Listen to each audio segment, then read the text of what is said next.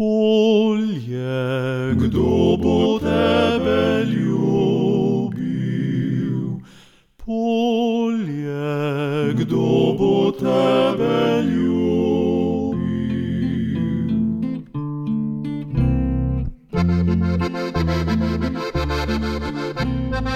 Drage poslušalke in spoštovani poslušalci, lepo pozdravljeni. Vlada je v četrtek sprejela dva odloka za pomoč kmetijskemu sektorju, ki ga je prizadela izjemna suša. Na kmetijskem ministrstvu pravijo, da s prvim odgovarja na pomankanje krme pri živinorejcih, z drugim pa na škodo pri čebelarjih. To je pomoč za živinorejske kmetije, ki imajo vsaj 2 GVŽ obtežbe in pa vsaj 0,9 obtežbe, potem ki so v letu 2022 prijavili škodo in ki so dejansko vpisane v registr kmetijskih gospodarstev. Vsi ti ukrepi so bili soglasni z deležniki, torej tako z Čebelarsko zvezo Slovenije, s profesionalnimi čebelarji in pa z ekološkimi čebelarji smo dejansko uskladili in pa ravno tako drugi ukrep, ki je pa pač za pomoč živinorejskim kmetijam, pa smo uskladili z kmetijsko z, z, z Kmetijsko-gozdarsko zbornico, z Zvezo podeželske mladine in pa sindikatom kmetov. Tako ministrica Irina Šinko. Na Kmetijsko-gozdarski zbornici Slovenije pa so v petek zanikali, da sta bila odloka z njimi usklajena.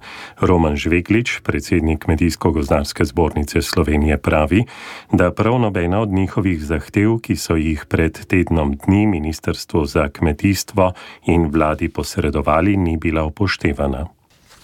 Mi smo zahtevali, da morajo pomoč prijeti vsi, ki se ukvarjajo z živinorejsko proizvodnjo in ne le tisti, ki so oddali vlogo za sušo ali pa da imajo pet GVŽ. Od spodaj piše: predlog ni bil upoštevan. Ker se je odkupna cena ne, krme seveda zvišala za tako stvar, smo seveda zahtevali, da se, da je ta vstopni prag pet GVŽ nesprejemljiv, ker to je bil v prejšnjem predlogu. In se je zmanjšal na dva. To je delno upoštevano.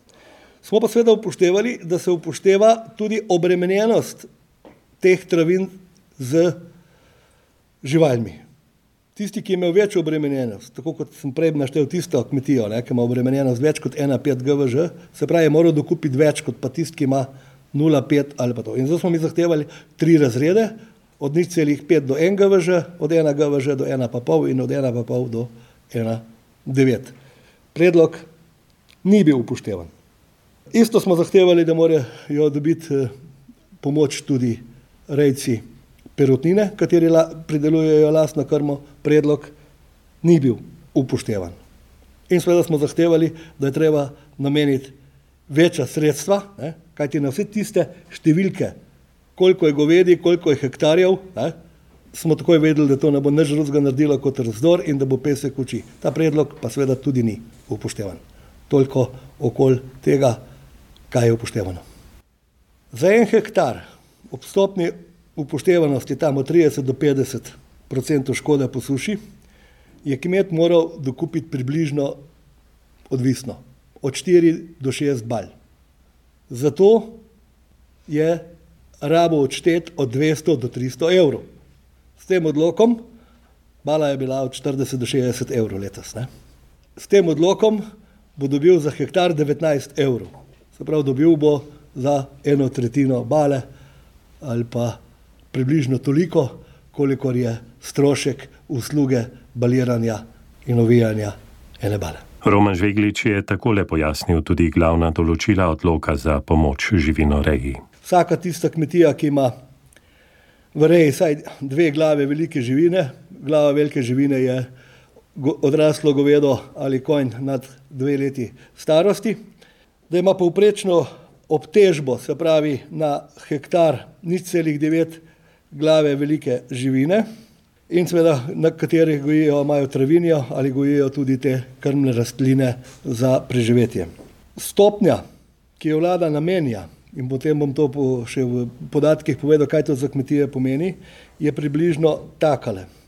Za hektare trajnih trankov, se pravi za tiste kmetije, ki imajo od trideset do šestdeset odstotkov, odstotkov škode, devetnajst evrov, za tiste, ki imajo nad šestdeset odstotkov, pa osemintrideset evrov. In za krmne rastline, ki se gojijo na nivah, koruza, koruzna silaža, krmna ogršča, ostale zadeve, pa seveda za tri, od 30 do 60 odstotkov 47 evrov in pol in na 60 odstotkov 95 evrov. In seveda določila je še vstopni prak za vsako kmetijo, tista, ki ne doseže 100 evrov te, te pomoči po teh hektarjih, se pravi, sploh ne pride v poštev. Zdaj pa za ilustracijo. Slovenski kmetje redijo več kot 476 tisoč glav govedi, več kot 235 tisoč prašičev, 114 tisoč, skoraj 115 tisoč ovac, dobrih 27 tisoč kos, dobrih 18 tisoč kopitarjev, se pravi konjev, oslov in dobrih 7 milijonov klunov perutnine. Osnova, razen za perutnino, je vse trajno travinje. In tega obdelujejo slovenski kmetje 271 tisoč 421 hektarjev travin. Prav je, da vlada želi pomagati kmetom, vendar ta pomoč mora biti saj taka, da ji lahko rečemo pomoč in da bo si kmet lahko saj en del teh stroškov, ki je imel za nabavo krme, tudi poravnal.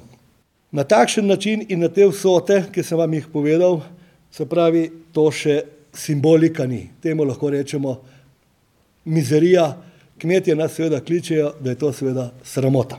Zato zahtevajo, da se odlok o pomoči govedorejskemu sektorju razveljavi. Zato seveda v Kmetijsko-gozarski zbornici zahtevamo, da vlada ta odlok razveljavi, da za pomoč živinorejskem sektorju nameni večja sredstva, da se v pomoč vključijo vse kmetije, ki redijo živali, tudi perutnina, kateri kmetije na lastnih površinah pridelujejo krmo za perutnino, kajti ta je izvzeta iz odloka.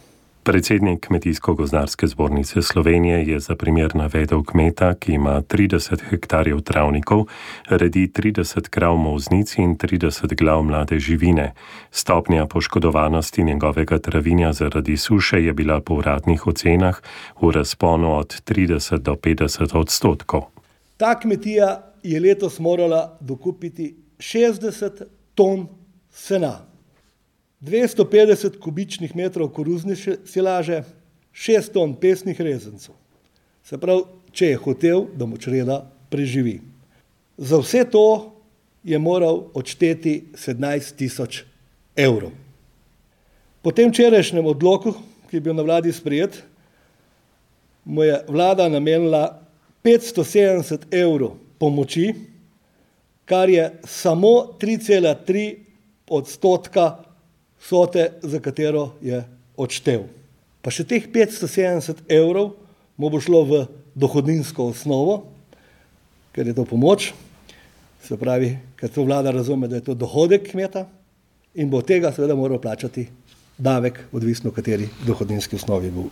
Je še dodal Žveglič, ki opozarja, da je tudi vstopni prak, ki znaša 100 evrov, previsok. Ja, mi smo predlagali da se gre v oceno vseh. Ne. Dejstvo je, da, bo, da to ni pomoč po suši, tisto bo seveda enkrat drugo leto, čeprav je predsednik vlade obljubil, da bo že letošnjo leto, ne. ampak zaradi zakonskih dikcij smo takrat, moram reči, vsi vedeli, da je to nemogoče. Ne. Tako da tudi na vlado je šla zdaj ta ocena škode samo za krmne rastline. Ne. Lahko tudi povemo, da so za te hektare, ki jih imamo v Sloveniji in za te krmne rastline, je ta vladna ocena škode po, po popisu 89 milijo, uh, milijonov evrov. Pomoč pa 4,5 milijona evrov. Ja. Vlada je torej za pomoč živinorejskemu sektorju namenila 4,5 milijona sredstev, za pomoč čebelarjem pa slaba 2 milijona. Kako to komentira Roman Žveklič? Glejte, jaz težko komentiram pomoč čebelarjem. Mi smo tam tudi takrat imeli pripombe na tisti odlog, imeli smo pripombe na to, da bi mogli dobiti profesionalni čebelari zato ker od tega živijo več kot neprofesionalni čebelari in tudi, da bi mogel biti stopni prak pomoči, recimo, ne vem, pri čebelarjih je 40 evrov, ne, stopni prak, v žinorejskih kmetijah je pa 100 evrov. Ne. Pač gleda se z drugih vatl in očitno so čebele, vsi se, vsi se strinjamo, da so čebele pomembne in da so uh, nujno potrebne, ne. vendar če pogledamo te številke o žinorejski sektorju, ki je najbolj pomemben sektor v slovenskem kmetijstvu in v teh številkah, ki sem jih povedal, 4 eh, milijone pa pol in čebelari 2 milijona skoraj, se lahko vsak pogleda, ali je to sorazmerno ali ni sorazmerno. In če se še malo ustavimo ob številkah, ob upoštevanju pogoja povprečne obtežbe najmanj ni celih devet glav velike živine na hektar, je do pomoči zaradi suše v živinoreji potencijalno upravičenih 11.186 kmetij. Pri upoštevanju dodatnega pogoja, da je najnižji znesek dodeljene finančne pomoči 100 evrov na upravičenca, pa bo do pomoči po odloku upravičenih 9585 kmetij, so še zapisali v vladnem sporočilu. Razplet zgodbe bomo spremljali v našem informativnem programu.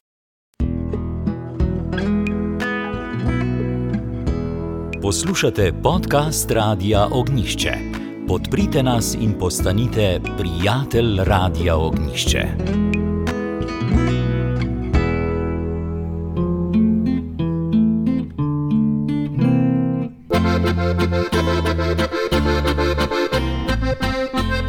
Zavedajmo se, da nas kmetijstvo vse preživlja.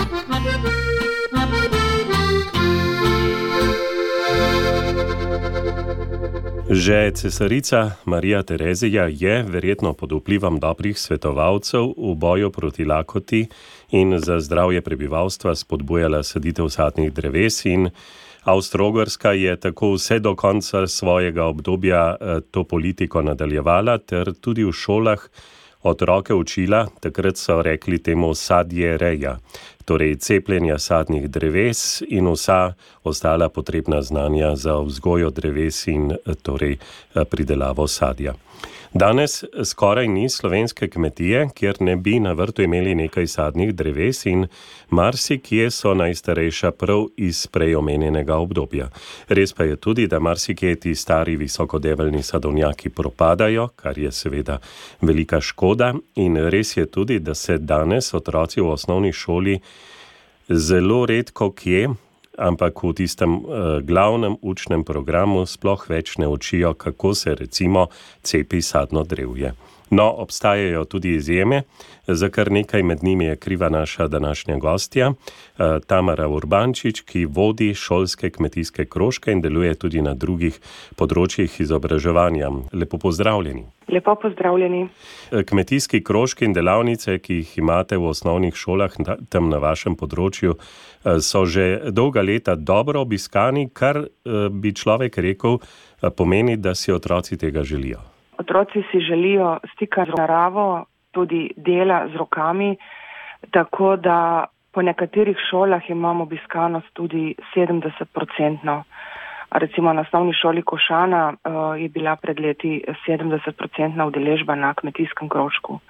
Kajti um, otroci v okviru kmetijskega krožka se spoznavajo z naravo, z domačimi živalmi, delajo z rokami in pri tem tudi se veliko naučijo in ustvarjajo.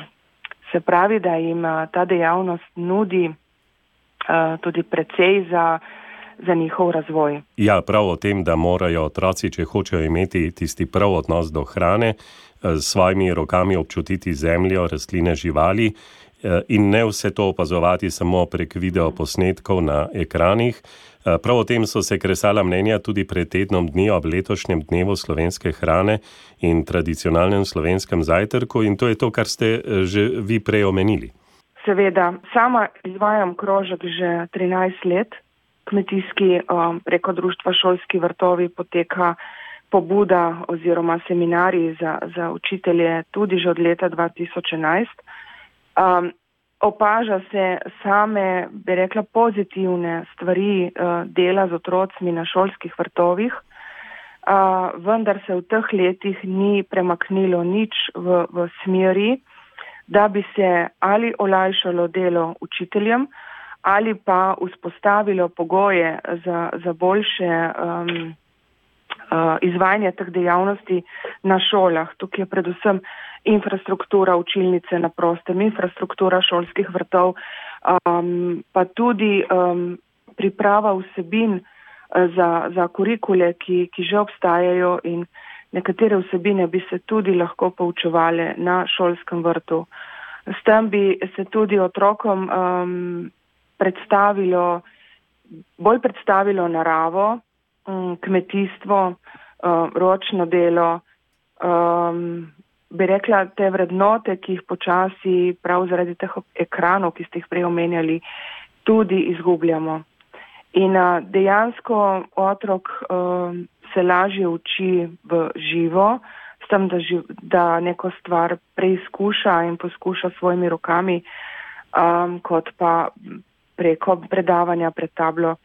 Um, zato so tudi ti šolski vrtovi pomembni, ne samo z vidika pridelovanja hrane, ampak tudi um, podajanja učne snovi. Zelo podobne ugotovitve so tudi ob že prej omenjenem letošnjem dnevu slovenske hrane mnogi opozarjali. Ampak, eh, gospa Tamara Urbančič, danes bi vas prosil, da bi pogledala še na eno drugo področje, eh, kjer ste zelo dejavni.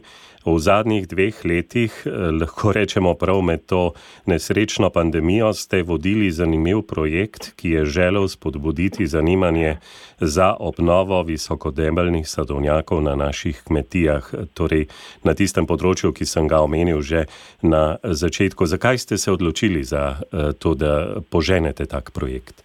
Torej, projekt se imenuje Visokodebeljni pašni sadovnjak kot nova kmetijska praksa in je trenutno v zaključevanju.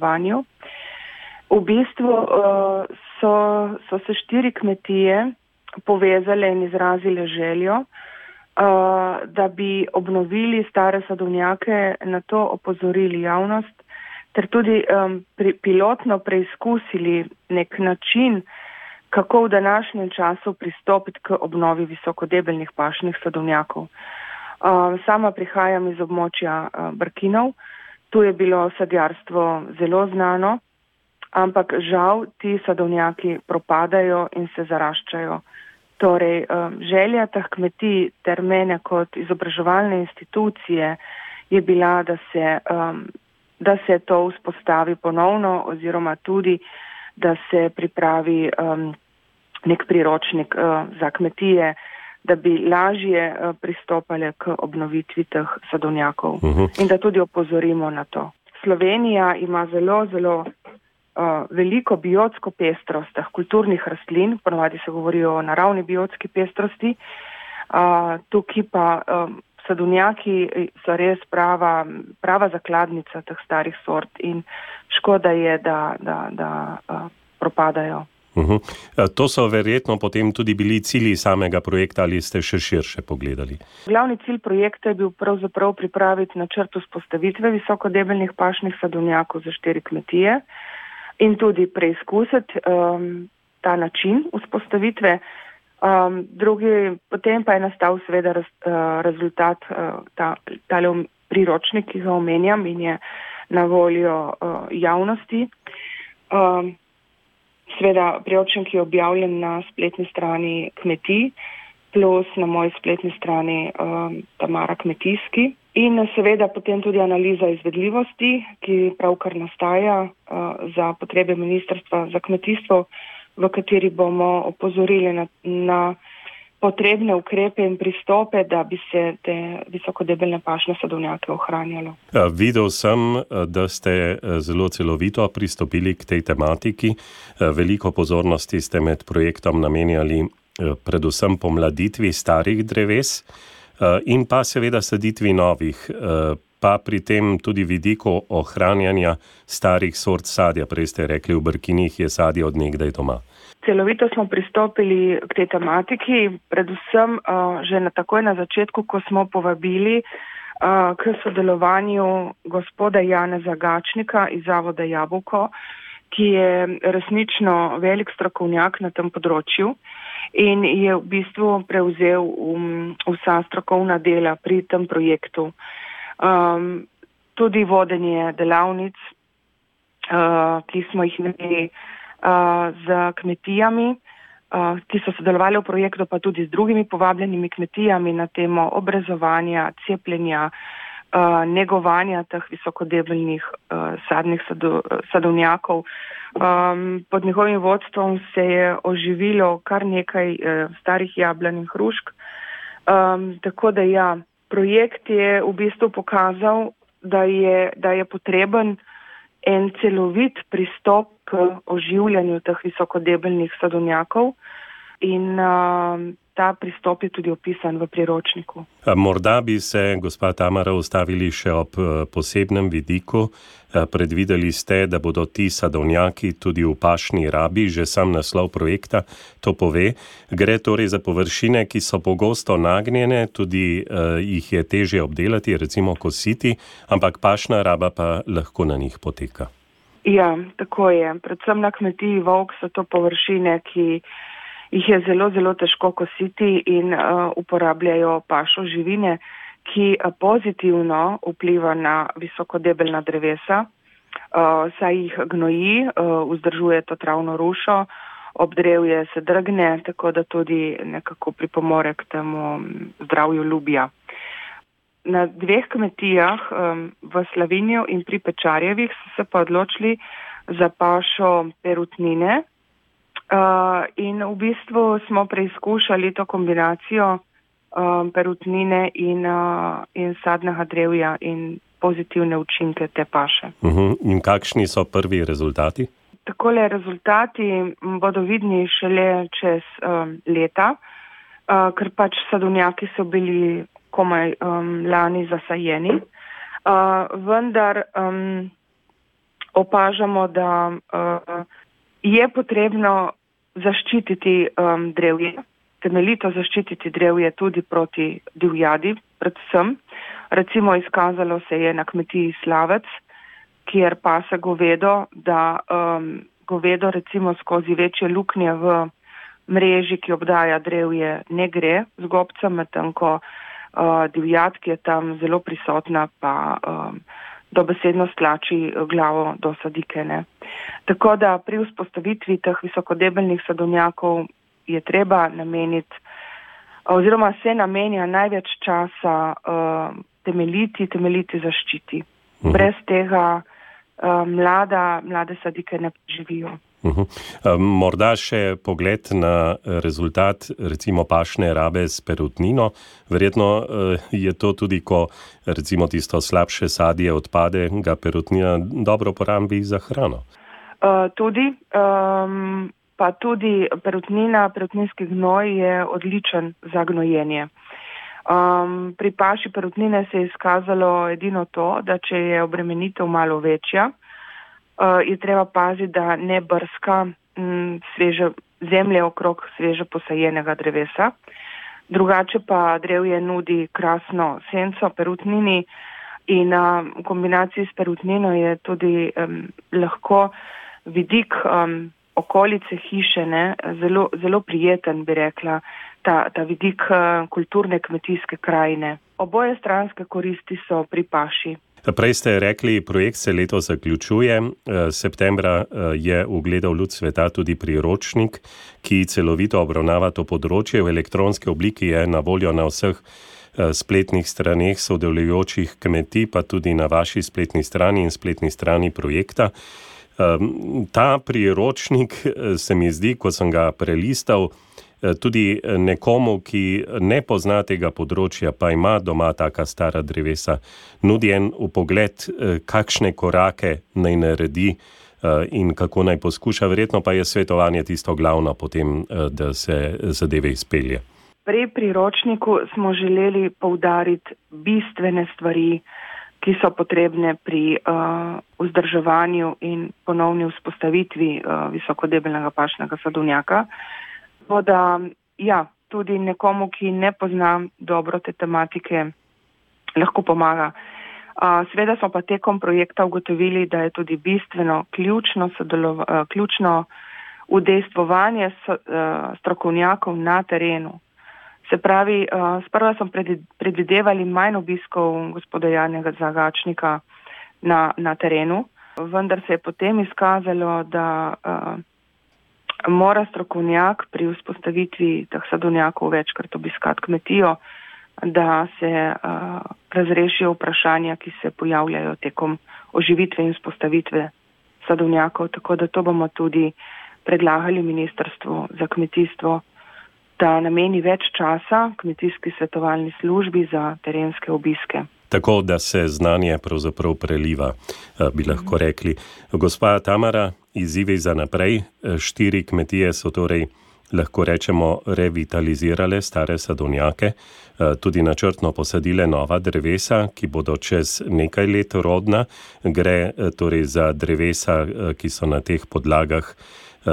Visoko debelnih, ki rodijo nekaj let pozneje kot tista, ki jih imajo v intenzivnih sadovnjakih. Eh, verjetno je eden od izzivov lahko tudi predelava sadja iz takih sadovnjakov. Ja, pri izbiri uh, sort uh, so kmetije nekako želele, da je polovica sort za, um, bi rekla, svežo uporabo, uh -huh. uh, polovica sort pa za predelavo v sok, kajti iz teh, um, ali pa v kis, um, oziroma pred za predelavo, kajti iz teh starih sort uh, dreves uh, nastajajo lahko zelo, zelo dobri produkti. Tako sok, kis, uh, recimo kmetija Pečar se ukvarja s sajderjem in uh, bodo šli v nadaljevanju prav v zasaditev nekaj hektarov visokodebelnega uh, sadovnjaka, ker uh, želijo pridelovati res kvaliteten sajder, kajti ugotovili so, da iz teh novejših, modernih sort ni enako kus kot iz visokodebelnih. Tako da ja, kmetije bodo nadaljevale s to dobro prakso, ki je bila v okviru projekta izdelana in tudi verjetno navdušile še koga za, za vzpostavitev in oživljanje teh visokodebelnih pašnih sadovnjakov. Hvala lepa za predstavitev. Eh, vam, spoštovane poslušalke in poslušalci, vabilo, da si ogledate stran projekta, predvsem pa vam svetujem, da poiščete priročnik, eh, si ga prenesete in vam bo lahko zelo dobro koristil tudi na vaši kmetiji. Eh, gospa Tamara Urbančič, vse dobro tudi naprej pri snovanju takih projektov, ki prinašajo znanje na slovensko podeželje. Hvala tudi vam. Obenem bi se pa na nek način tudi zahvalila. Ministrstvu za kmetijstvo, gozdarstvo in prehrano, ki razpisuje precej um, teh projektov programa razvoja podeželja. Uh, tudi ta projekt je bil sofinanciran iz Evropskega kmetijskega sklada za razvoj podeželja in uh, sodelujem v, v nekaj teh projektih in uh, res uh, je uh, koristno v redu, da ti razpisi so in upam, da bodo šel naprej. Tako upam, da tudi sredstva bodo, ker potem lahko izzivi, ki so na naših kmetijah, se rešijo in prinašajo napredek, eh, čeprav smo v Sloveniji tako majhni, kot veliko krat rečemo. Res je. Gospa Tamara Urbančič, hvala lepa, pa lepo nedeljo. Enako tudi vam. Poslušate podcast Radio Ognišče. Podprite nas svojo oceno.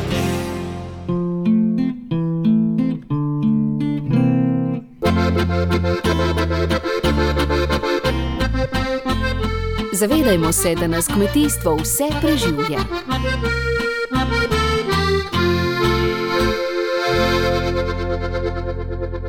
Ob koncu današnje oddaje pa še pogled v svežo decembrsko številko glasa dežele. Z nami je novinarka Katarina Jerše. Lep pozdrav. Lepo zdrav vam, Robert, in tudi vsem poslušalcem Radia Ognišče. Na prvih straneh tudi tokrat najbolj aktualne vesti. Na prvih straneh prinašamo skrb Evropske komisije zaradi predragih gnojil, ki je, da ne bi prišlo do težav s prehransko varnostjo, sprostila 500 milijonov evrov iz finančnih rezerv. Članice bodo tako dobile denar za pomoč kmetom, je pa zanimivo to, da zaradi res hude krize Evropska komisija dovoljuje tudi pomoč podjetjem, ki proizvajajo gnila, vendar iz državnih proračunov. Na trgu Evropske unije namreč do zdaj takšna pomoč ni bila dovoljena, ker bi rušila konkurenčnost. Katarina, kaj pa strokovne tematike v decembrski številki glasa dežele? Smo tudi na dnevu krompirja, ki ga tradicionalno pripravlja RVA oziroma Agrosat. Da je bila letina pri nas količinsko slaba, ponekod med 30 do 70 odstotkov manj, že vemo. Cena kljub temu ni visoka, ker prihaja na trg uh, krompir iz uvoza, kjer je bil pridelek sicer nižji, vendar ne tako zelo kot pri nas. V Nemčiji kmetje ta čas dobijo 20 do 25 centov za kilogram in čakajo višjo ceno, kar pa pogodbe za april, na to so vezane dolgoročne pogodbe izpodbijajo, saj naj bi cena upadla pod 25 centov. Če vemo, da bodo skladišni stroški letos visoki, je vprašanje, kaj se bo dogajalo s krompirjem, velika neznanka. Na strokovnih nasvetih pa prinašamo odgovor na to, kako presušiti krave, tudi če imate v hlevu robota. Da je to obdobje izredno pomembno za mlečno prirejo, ni nobenega dvoma in če ni napak, nas potem čaka dobra in kakovostna prireja mleka. Sledita dva zelo uporabna članka za živinorejce, tako da boste lahko balansirali med stroški in prihodki, ter kako je letos s plesnimi in mikotoksini v lastni pridelani krmi. Videl sem, da ste pripravili eh, dve zanimivi reportaži, ustavljate pa se tudi ob gozdarski temi. V osrednjem delu prinašamo dve izredno zanimivi reportaži, eno iz Mačarske, drugo iz Francije, pa tudi pri gozdarskih temah smo se tokrat osredotočili na drva, ki letos sploh niso poceni, pa vendar so še vedno cenejši in bolj zanesljivi ver ogrevanja. Uvoz plina in nafta je namreč vse dražji, pa tudi elektrika ni poceni. Če bo zima pokazala zobe in globok minus, se lahko znajdemo v težavah, če smo vezani na uvoz. Vsaka država bo najprej poskrbela za svoje državljane, kar pa je logično. Ob koncu pa še ena zelo aktualna tema, ki jo izpostavljate: odkupna cena ekološkega mleka. Zdaj je že jasno, da je inflacija močno okrnila ekološki trg in če je konvencionalno mleko doseglo spodbudno ceno, je ekološko 22 odstotkov pod pragom pokritja stroškov in to celo v Avstriji, kjer je trg tovrstnih izdelkov na najvišji ravni. Rada pa bi vas uh, opozorila še na zadnjo stran, kjer bo uh, zagotovo zanimiva reportaža za vas iz Longondrove kmetije iz Virloga pri Škofiloki, kjer imajo vse živali izključno rdeče Holštajn pasme. Uh, za učinkovito kmetovanje vam bodo na sveti v glasu dežele gotovo v pomoč. Hvala lepa, gospa Katarina. Vam, spoštovane poslušalke in spoštovani poslušalci, uh, poiščite glas dežele na spletu, tam najdete tudi vse poti, kako se nam naročite, sicer pa lepo nedeljsko popovdne in se slišimo spet čez teden dni.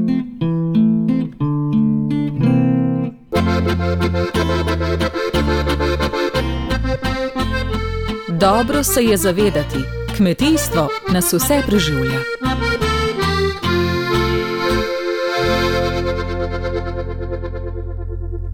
Hvala za poslušanje. Podprite brezplačen dostop do naših vsebin in postanite prijatelj Radia Ognišče.